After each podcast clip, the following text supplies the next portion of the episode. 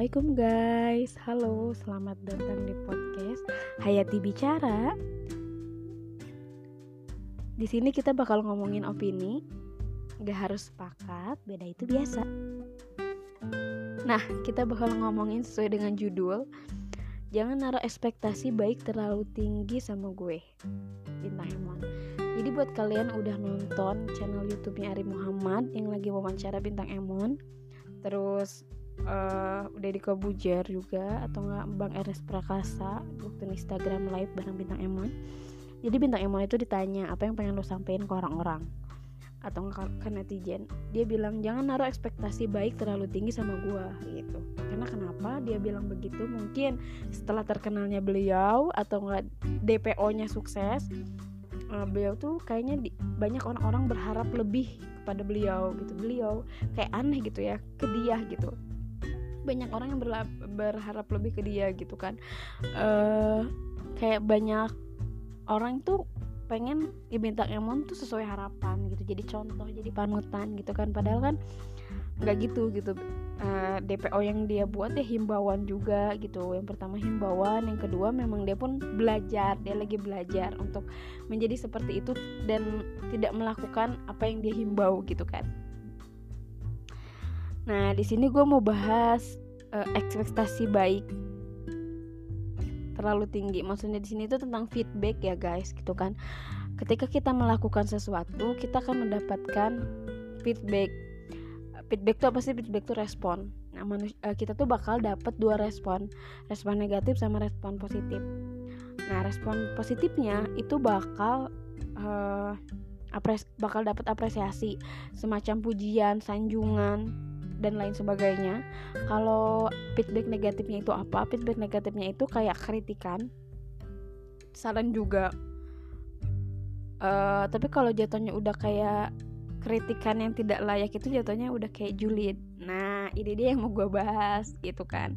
Kadang ada orang yang mengungkapkan uh, suatu saran atau kritikan dengan bahasa yang salah gitu yang jatuhnya toxic society gitu kan toxic society itu adalah uh, julid. Nah, julid itu apa sih? Julid itu kan bahasa Sunda uh, yang udah jadi bahasa umum.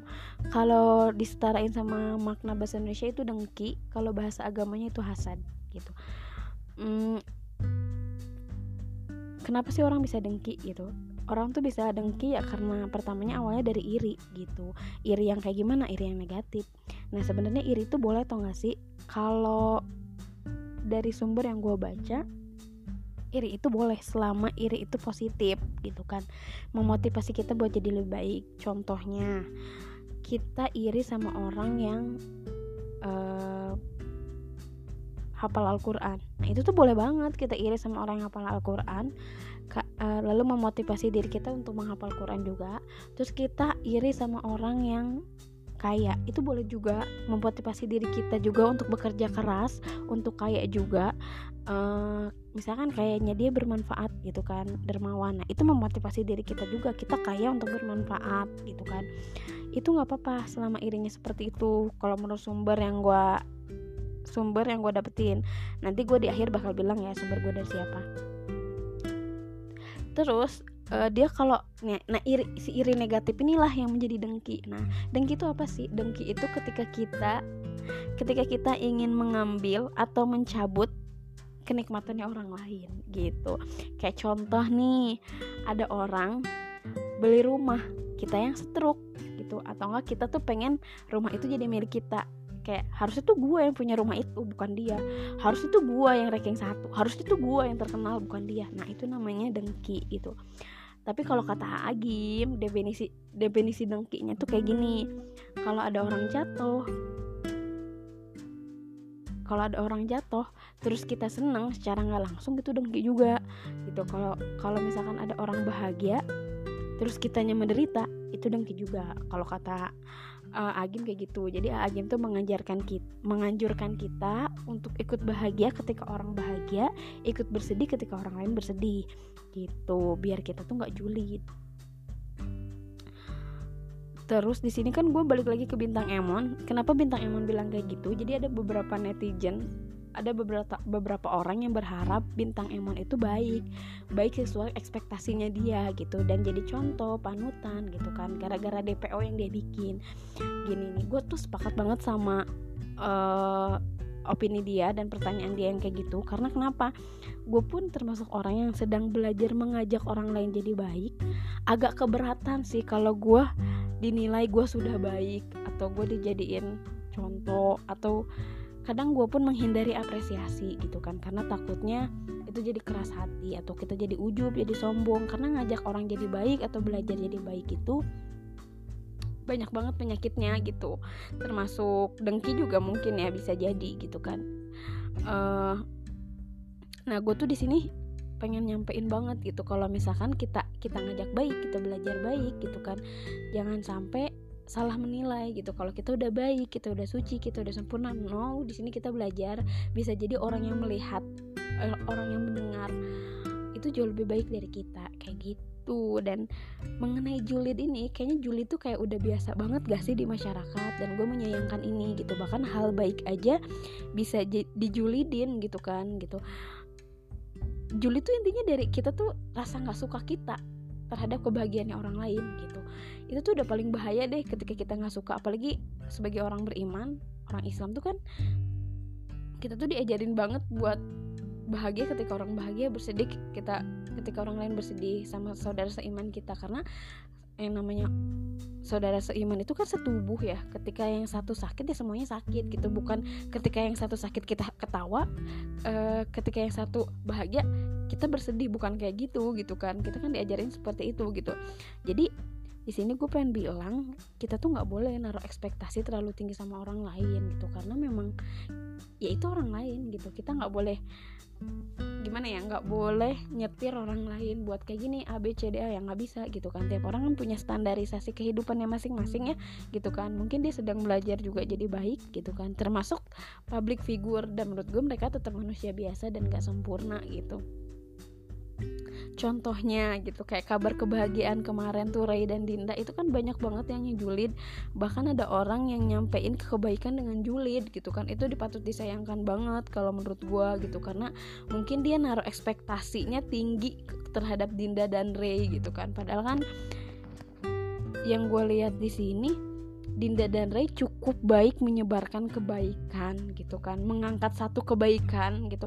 Di luar dia seperti apa itu di luar ranah ranahnya penonton sih menurut gua kayak sampai ke dalam-dalamnya itu nggak bukan haknya kita gitu. Kalaupun mau diperbaiki ya dengan bahasa baik jauh lebih baik daripada dengan duli nyinyir itu kayaknya nggak baik. Apalagi kalau kita mau memperbaiki sesuatu yang sesuatu yang kurang baik agar lebih baik itu kayaknya lebih enak pakai bahasa yang baik. Kalau menurut gue ya lagi-lagi mau bilang kalau nggak sepakat itu nggak masalah. Nah balik lagi ke julid.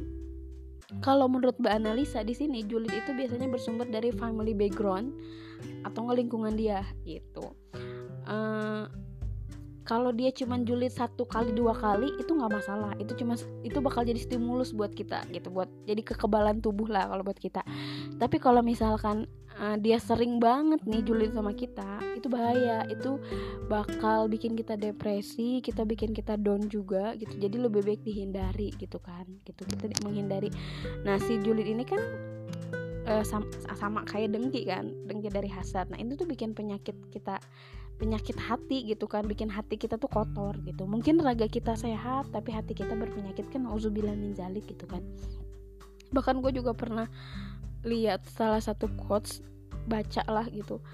Kalau dengki itu membakar hangus amalan kita. Kan ujubillah min zalik ya perlu dihati-hati banget. Dari kita yang naruh ekspektasi tinggi sama orang lain akhirnya menyampaikan satu hmm, kalimat yang mungkin kurang baik lebih cenderung ke feedback negatif yang akhirnya bisa dikatain julid. Karena di zaman sekarang tuh kayaknya susah banget ya bedain yang namanya kritik uh, sama julid tuh kayak susah bedain gitu kan. Karena kalau yang gue lihat di sini sendiri julid ini lebih kayak menjatuhkan gitu kan menjatuhkan orang lain. Dan bahkan jangankan buat kayak julidin orang tiba-tiba kita ngejulidin orang ya. Bahkan yang gue tahu di Islam sendiri kalau misalkan kita bertanya untuk sengaja ngetes aja itu nggak boleh nggak boleh banget gitu. Kita tuh nggak boleh sengaja nanya ke orang buat ngetes ilmu orang lain ngetes pengetahuan orang lain nggak boleh. Tapi kalau buat ngajak diskusi sharing nah itu tuh boleh gitu guys. Uh, udah muter-muter semoga bahasan gue relate uh, buat kalian dengar gue di sini mau ngajak yuk kita belajar buat gak julid sekalipun di cover dengan bahasa baik mau ngajak orang jadi baik julid itu tetap gak baik tetap masalahnya di hati. Ketika kita nggak suka sama hal baik ketika kita maksain orang buat jadi baik tapi dengan cara kita menurut gue itu keliru. Jadi yuk kita ketika kita memberi ingin memberikan kritik dan saran yuk pakai bahasa baik gak perlu menjatuhkan gak perlu nyinyir gak perlu judge gue rasa bisa deh gitu. Dimulai dari mana? Dari mulai dari kita sendiri. Uh, sekian podcast dari gue semoga ada manfaatnya. Mohon maaf bila ada salah kata. Oh iya gue lupa. Gue ingin menyampaikan sumber yang gue sampaikan ini ada dari Kang Jen, Kang Jen Permana. Uh, bisa dicek di YouTube-nya Jen Permana beliau psikologis sosial dan Mbak Analisa Ningrum beliau psikologis klinik dan kajiannya Yungaji uh, Ustadz Pelik dan tim gitu. Pokoknya jangan lelah memperbaiki diri kita tumbuh bareng-bareng. See you podcast selanjutnya. Wassalamualaikum warahmatullahi wabarakatuh